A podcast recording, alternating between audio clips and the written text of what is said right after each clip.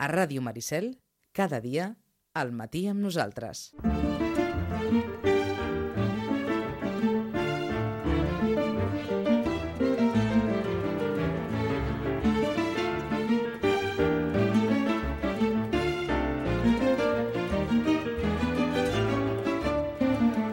Onze i 38 minuts i ara deixem constància del mateix que ens va passar l'any passat per aquestes dates.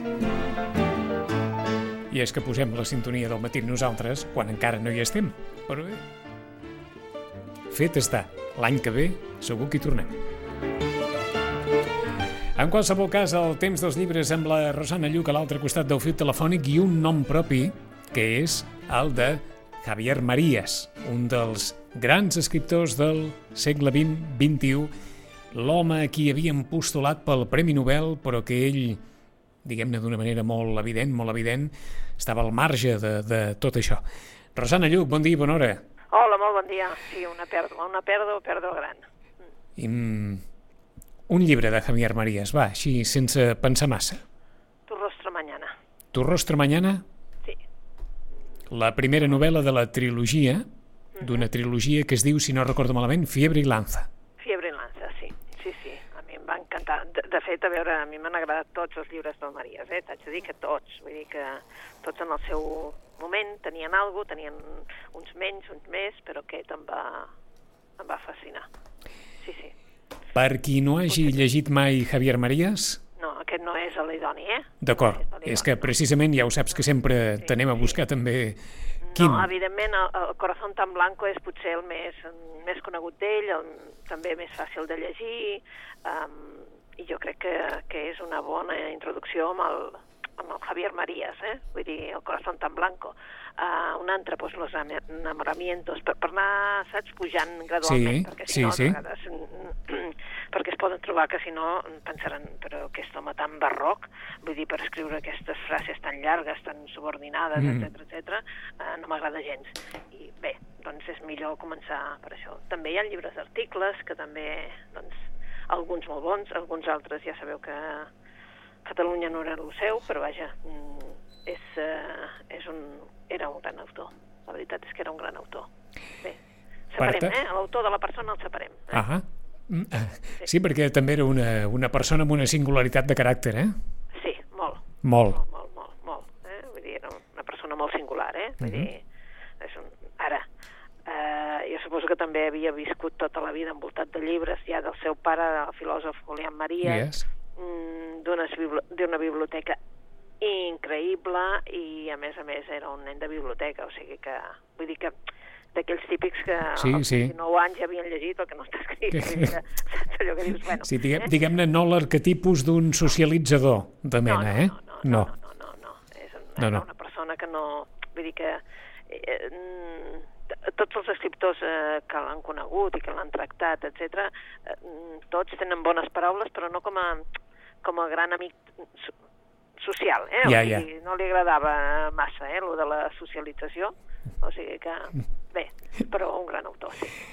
Bé, doncs, qui no hagi tingut mai Javier Marías a les mans, Corazón tan blanco, de l'any 2006, la novel·la per començar, i si la Rosana ens n'ha d'escollir una, l'escollida Tu rostro, mañana. Javier Marías, fill de Julián Marías, Julián Marías que escrivia unes crítiques de cinema sensacionals, sent filòsof, i, i com deia la Rosana, doncs esclar, una vida envoltada de llibres, des de naixement fins, fins, fins a la mort. Ell és, eh, i, i no sé si és un autor molt venut o no. Um, és un autor molt seguit, és a dir, que sí, hi ha un públic molt fidel, del Marías és d'aquells que hi ha un públic molt fidel. Ara, clar, mm, depèn, o sigui, els números no seran mai els mateixos que un best-seller. És a D'acord. No, no podem arribar a les quantitats que ven un Ken Follett o un... És igual, al nostre país, doncs, un, un Falcones, per exemple, no? Mhm. Ara sí que és un autor venut, eh? Sí I la, autor, i la segona i la segona pregunta, si hi ha traducció en català d'alguna d'aquestes novel·les. No, No. no que jo conegui, no, no en conec cap, eh? No en conec cap eh, de traduïda al català, no. També té un punt, això, eh?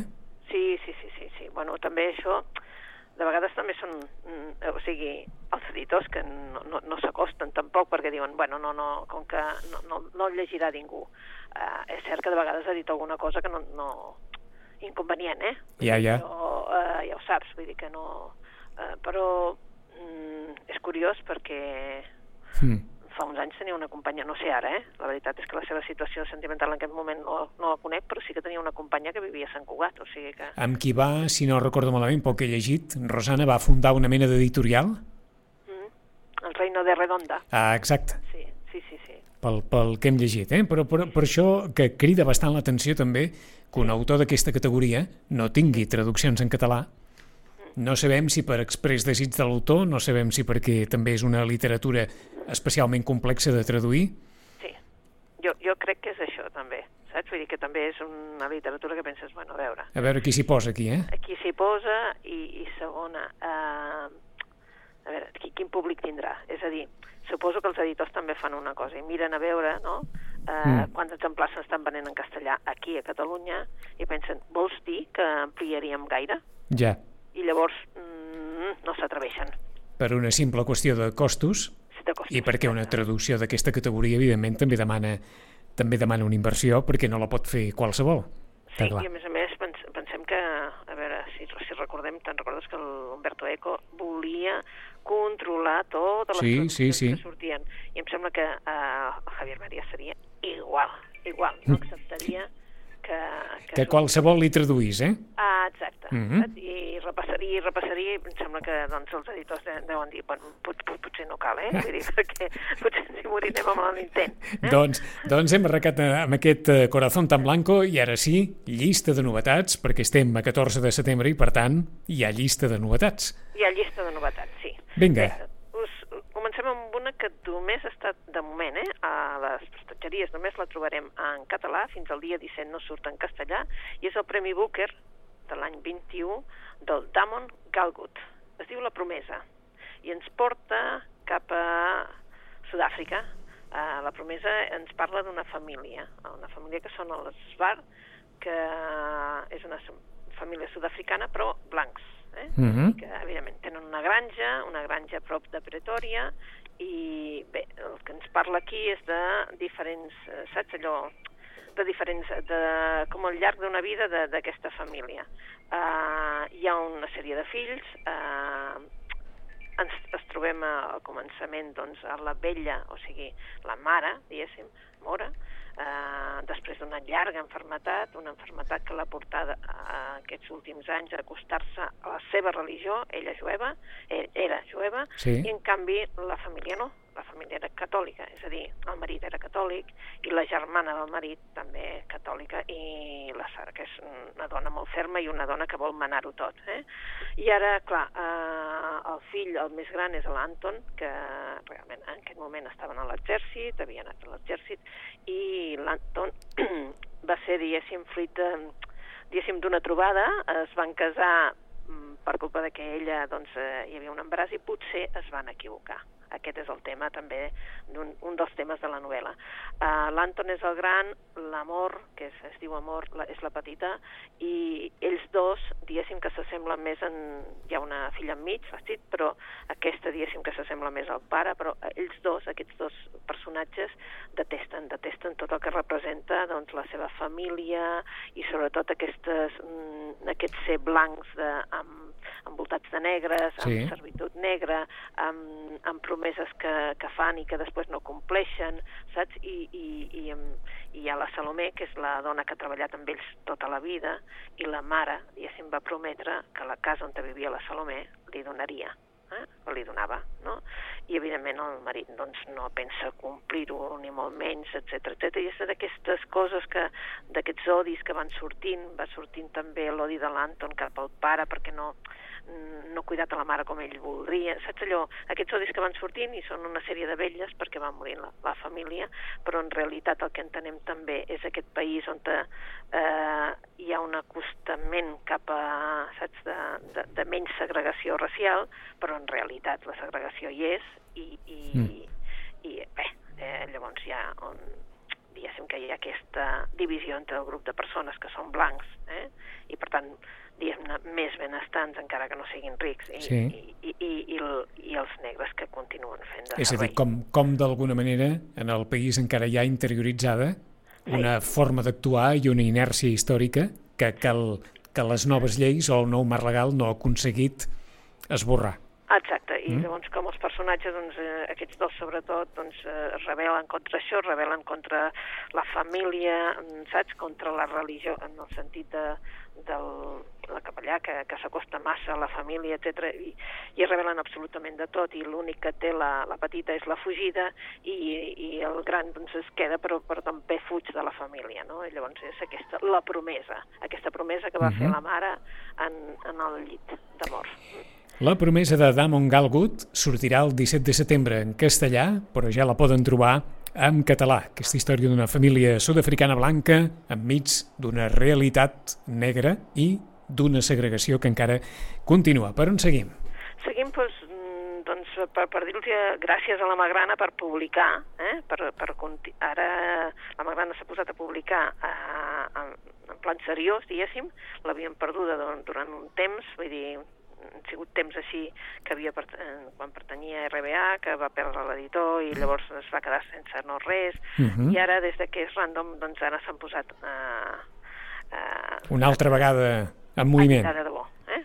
A editar de debò, de, a buscar autors catalans d'ara, diguéssim, d'autors catalans nous, per dir-ho d'alguna manera, i reeditar coses que no teníem, com el Chesterton, per exemple, mm -hmm. l'Antoni Vicenç, eh, recuperem autors d'aquí i de fora, que estaven traduïts, que estaven traduïts al català i que ja no els teníem, i que Magrana tenia unes traduccions increïbles, eh? Eh, esperem que recuperen també la, les, les traduccions del Montcada, a veure què fan. Eh? De moment, suposo que estan ara començant i per tant no els hi podem demanar gaire cosa més, però sí que és veritat que ens han portat diverses novetats a sobre la taula. Un és, de l'Anna Manso, un cor de neu. I aquest és una, bueno, és una novel·la, eh, diguéssim, l'Anna Manso escriu bastant per, escrit per a novel·les infantils i juvenils, sí. que és una novel·la per adults. És una novel·la per adults eh, que en realitat, eh, bé, eh, també, es diu Un cor de neu. Eh? I ens parla d'una dona, d'una dona, que és la Sara, que té ja bé, 65 anys, que és escriptora i ha decidit aïllar-se enmig del bosc, però al Berguedà. Eh? Uh -huh. Llavors, mm, eh, no sabem encara per què, eh, fa molts anys que no parla amb el seu fill Josep, i això realment amb ella li, li, li provoca un sentiment mm, un, un pes que porta en l'ànima que realment li, li impossibilita per estimar el a una altra parella possible, etc etc que és el Ramon. Eh? I un dia al bosc ella reconeix un llop, un llop amb qui sembla que pot parlar sí. la seva vida gira. És a dir, que el llop li contesta i li dona consells i bueno, li fa molta companyia i a partir d'aquí doncs, decideix contactar amb el seu fill i clar, mm, recuperar la relació després de 20 anys és difícil perquè hi ha ferides i les ferides de vegades doncs costa una mica, eh? però potser mm, la, la ferida serà massa greu i, i potser no es podrà del tot solucionar. Però en definitiva és una novel·la, diguéssim, de sentiments eh, en el que es, eh, es podria veure que li ha passat alguna cosa a la infantesa amb ella eh, o la seva adolescència que li impossibilita, que, que fa que, que hi hagi alguna cosa que no ens explica però que hi és i evidentment haurem de llegir tota la novel·la. Mm -hmm. Un cor de neu, eh? Un cor de neu d'Anna Manso, a la història de la Sara, aïllada en un bosc, incomunicada volgudament de, del seu fill i com un llop, sí. diguem-ne que fa que la història faci un tom i, i per tant, es recuperi o s'intenti recuperar una relació perduda des de, des de feia molts anys. Una novel·la de sentiments. Per tant, ara que estem a punt d'entrar a la tardor, una bona novel·la per, per la tardor. Sí. Vinga, per on seguim? Una altra, una altra que és uh, una altra autora de, també de, de la Magrana, que, que, que ha sortit uh, un munt alhora, que es diu Marta Grau Rafel, i es diu Una casa on tornar i aquí eh, ens parla d'un personatge que és l'Ona. L'Ona eh, és una d'aquestes dones que ha decidit no tenir fills, eh? però de cop i volta eh, ella ho tenia tot molt controlat, no uh mhm. -huh. volia tenir fills, no volia fer de mare, eh, però, esclar, es troba en un moment en què li toca fer de mare del fill de la seva parella, o, perdona, la filla de la seva parella. Eh? Clar, mm, però en definitiva són sentiments molt forts perquè ella no vol que li passi com la seva àvia, com la seva mare, mm, que realment van deixar de ser dones, de, de fer la seva carrera, de fer absolutament res per elles, sinó que es van dedicar a ser mares. I bé, està en una masia familiar del Pallars i, i ella hi vol trobar refugi per decidir cap on ha d'anar la seva vida, el seu futur. Eh?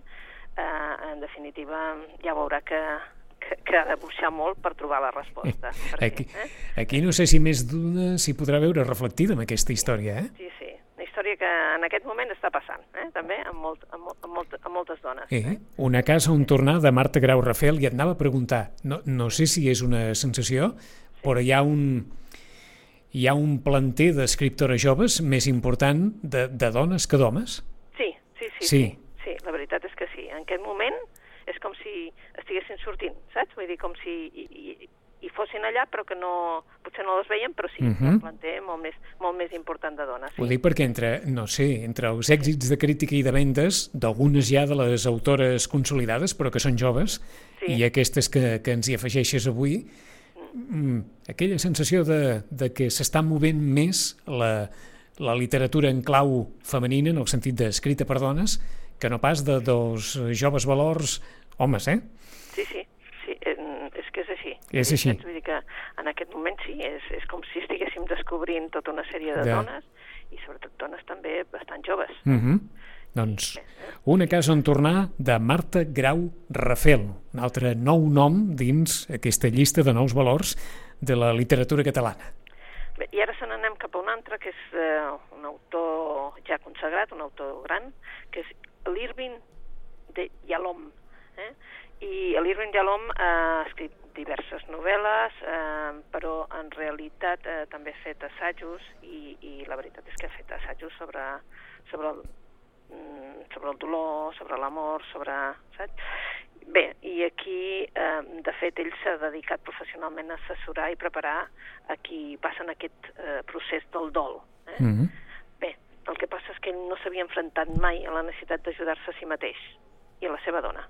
La seva dona és una feminista que era una feminista que es deia eh, pues, Marilyn Yalom, clar, el seu nom, i quan li diagnostiquen un càncer terminal, eh, doncs bé, mm, s'han d'enfrontar tots dos eh, el que li queda de vida de, de la Marilyn. Uh -huh. Han estat casats durant 65 anys Uf. i per tant eh, és quasi, quasi molt més que una vida, no, diguéssim, i la parella explica amb molta franquesa, eh, amb molta tendresa, com encaixen, es diu inseparables. Eh, Fa, faig, un, inseparables, eh? faig un apunt aquí, perquè Sí. quins temes que ens estàs portant avui, Sí, eh?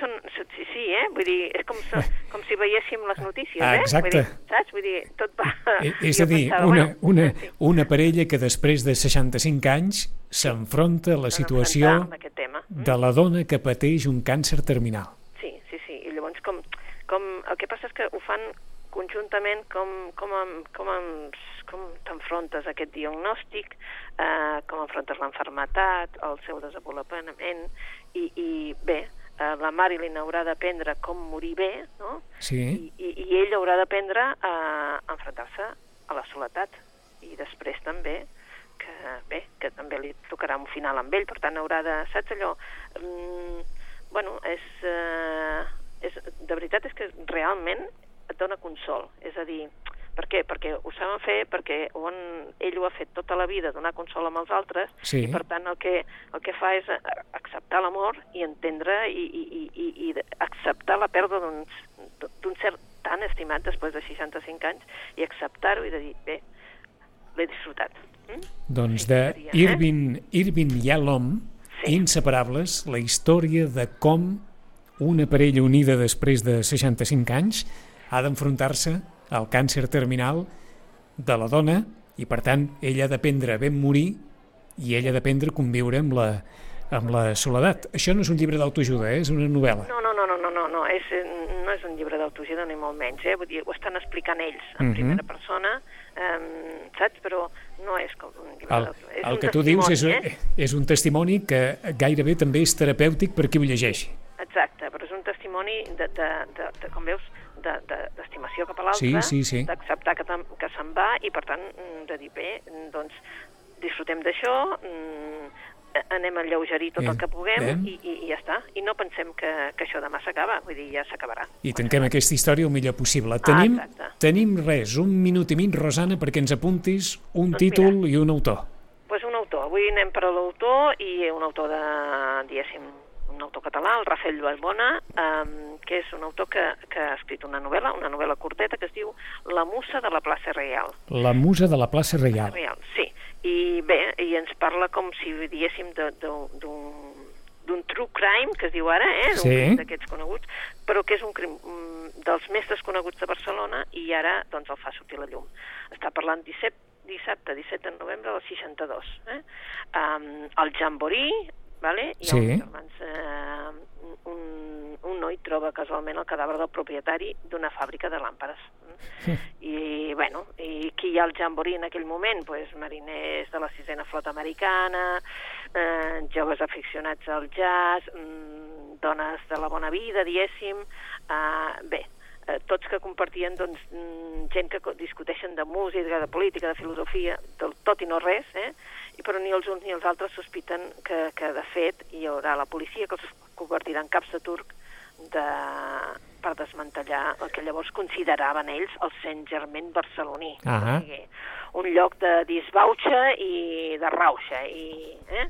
I llavors hi ha un noi que molts anys després, un estudiant, doncs entrevistarà a, algú de, de l'època perquè el seu avi era crític musical i vol saber què va passar. Doncs avui ens faltava una dosi de novel·la negra i també l'hem tinguda. L'han tingut aquí. Eh? Eh? La musa de la plaça Reial de Rafael Vallbona, conjuntament amb Inseparables d'Irvin Yalom, amb Una casa on tornar de Marta Grau Rafael, amb Un cor de neu d'Anna Manso, amb La promesa de Damon Galgut i també, per qui vulgui ficar-se en el món de Javier Marías, Corazón tan blanco. Creu la Rosana que és la millor novel·la per començar amb l'univers de Javier Marías. Rosana, en 15 dies, més lectures. Gràcies. Gràcies a vosaltres, bona lectura. Fins d'aquí 15 dies. I a tots vostès, demà a les 9 i tornem en una nova edició de la Cel Obert. Fins demà.